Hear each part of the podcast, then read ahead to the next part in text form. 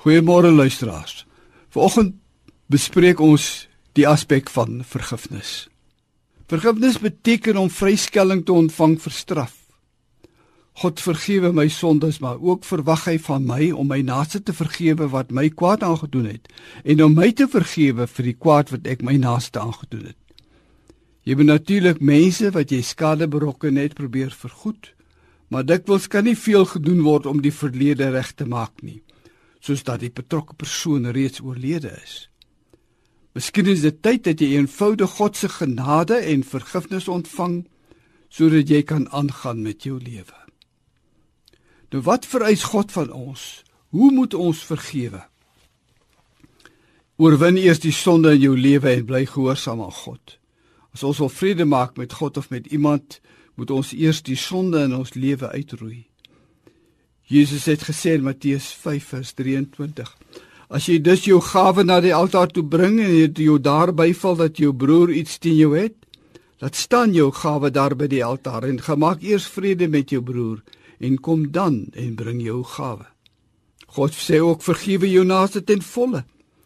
Wie julle dikwels sê mense dat hulle hulle naaste vergewe het vir wat die persoon hulle aangedoen het, maar dat hulle dit nooit sal vergeet nie.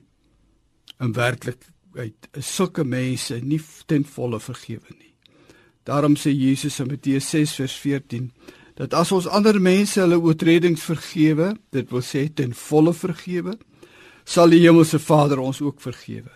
Maar as ons ander mense nie vergewe nie, sal die Vader ons ook nie ons oortredings vergewe nie.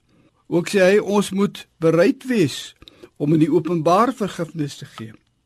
Jolanda Kortjie, skrywer van die boek 558 dae, het tydens talle radio en televisie onderhoude onvoorwaardelik vergifnis uitgespreek teenoor die Al-Qaeda terroriste vir wat hulle aan haar en haar man tydens aanhouding gedoen het. Ons moet ook weer en weer vergewe. Petrus het vir Jesus gevra: "Hoeveel keer hy sy broer moet vergewe as hy iets verkeerd teen hom doen? Self 7 keer?" Jesus het hom geantwoord: Ek sê vir jou, nie 7 keer nie, maar self 70 maal 7 keer. Staan in Matteus 18 vers 1.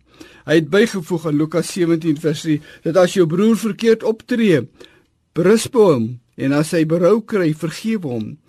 Selfs as hy 7 maal op 'n dag verkeerd optree teen jou en 7 maal na jou toe terugkom en sê ek is jammer, moet jy hom vergewe. Die laaste punt is vergewe in 'n gees van goedgesindheid.